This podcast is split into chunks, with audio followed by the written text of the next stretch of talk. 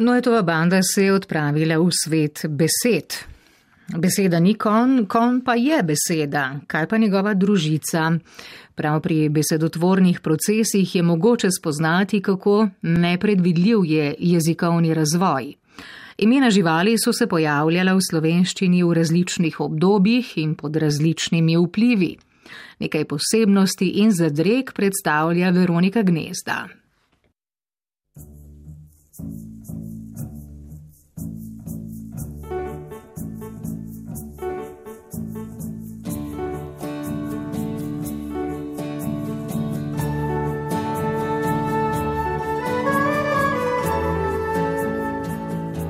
Živali so posebne že same po sebi, včasih pa jih še posebnejše naredi tudi njihovo poimenovanje. Ena izmed pripadnic muh se imenuje Ahaha. Ime fosila vešča bi v prevodu in brano z nekaj presledki pomenil, Karmen Elektra me je poljubila. Preden si polomimo jezik pri parastratios peblm, ostanimo pri naših poimenovanjih. Živalske vrste imajo poleg latinskih, taksonomskih tudi slovenska uradna poimenovanja. Standardizirajo jih zoologi po svojih merilih, jezikoslovci pa so tisti, ki opažajo, kaj se pojavlja v rabi. In o tem smo se pogovarjali z docentko dr. Heleno Dobrovoljc, višjo znanstveno sodelovko na Inštitutu za slovenski jezik Frana Ramovša ZRC SAZU. Poimenovanja samca in samice se lahko pokrivajo s poimenovanjem vrste, ni pa vedno tako. Samec vrste kon je žrebec in uh, samica je kobila, tako je tudi pri govedu, kjer imamo samca bika in samico kravo, in muflonu, kjer sta ovca in oven in tako naprej. Če se seveda ravnamo po tej živalski nomenklaturi, kakršno uvajajo zootehniški strokovnjaki. Včasih pa se morda zatakne pri imenih, pri katerih nimamo poimenovan za ženske ali moške pripadnike in imamo le ime vrste. Fant od muce je muc. Kaj pa fant od vidre? To pa ne vem. Vidar. Vidar. Kaj pa recimo žena od hrčka? Hrčinka. Kako je pa žena od kozoroga? Uh, kozoroga.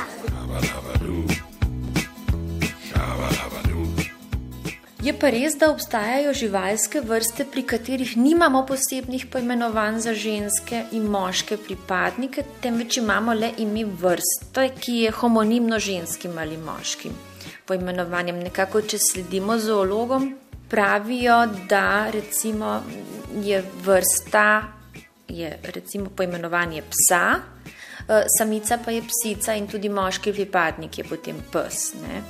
Eh, tako je tudi z volkom, jelenom, golobom, zajcem in slonom.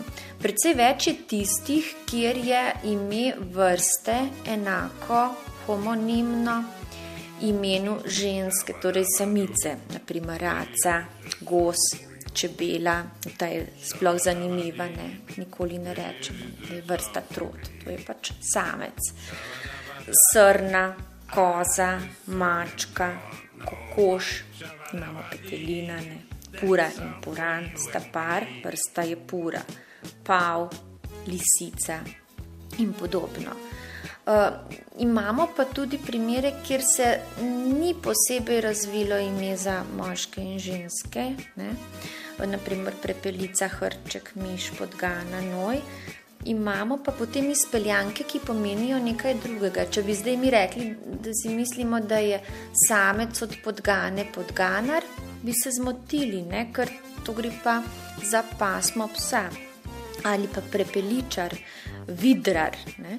Prav tako je naprimer mišar poimenovanje za kanjo, uh, hrčica pa je mala rovka in ne hrčkova samica. Hrčkica, ne vem. Kozorog, žena je. Kozoroginja? Koza. Ja, no, ja. Jezik je živ, pravi Helena Dobrovoljc, višja znanstvena sodelavka na Inštitutu za slovenski jezik Frana Ramovša in raznolik tudi.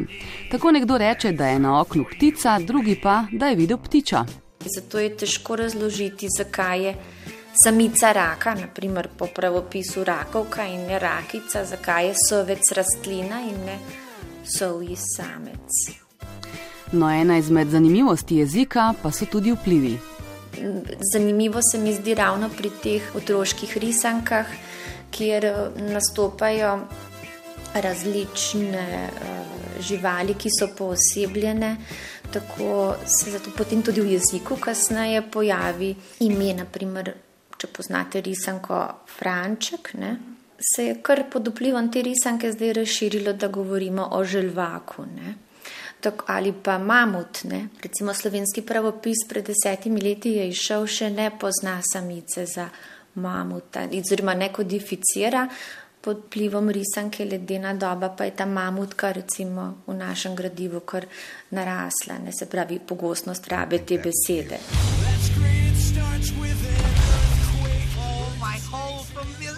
See, he still hugs his parents. Falls apart. No matter how long it takes, I will find you!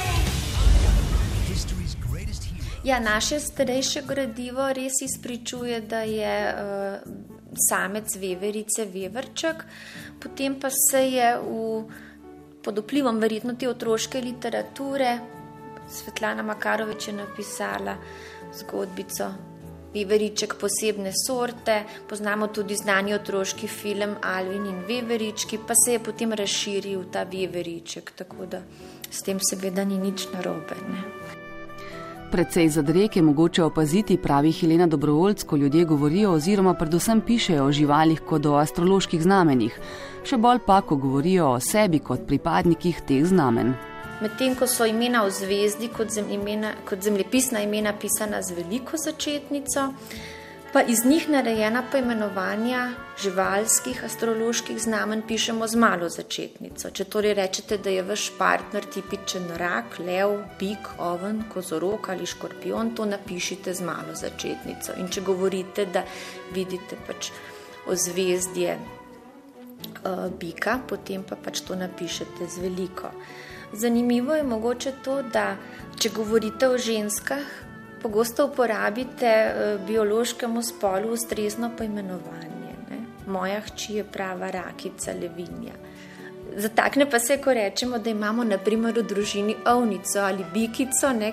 ko vendar vemo, da bi pa težko rekli, da imamo v družini kravo, ne? ki je rojena v znamenju bika. Ne? Tako da tukaj je malce zadrek. Ne?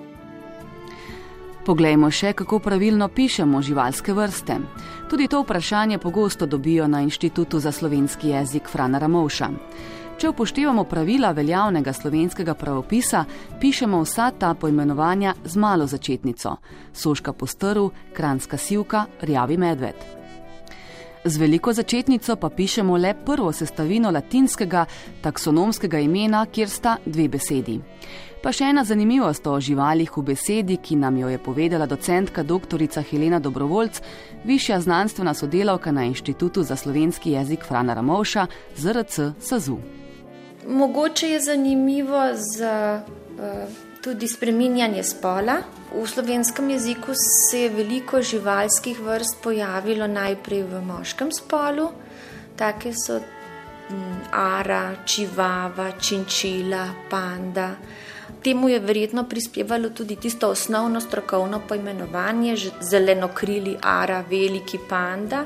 Ko pa so se ti izrazi začeli pojavljati v vsakdanjem pogovornem jeziku, so uporabniki eh, začeli govoriti o njih kot o žensko-spolskih samostalnikih, verjetno po analogiji z ženskimi samostalniki. No, danes v živalskem vrtu že vidimo zapis rdeče krila ara torej je samostalnik že rabljen kot ženskega spola. Tej spremembi pa bo pač treba prilagoditi tudi pri podatke v naših jezikovnih priročnikih.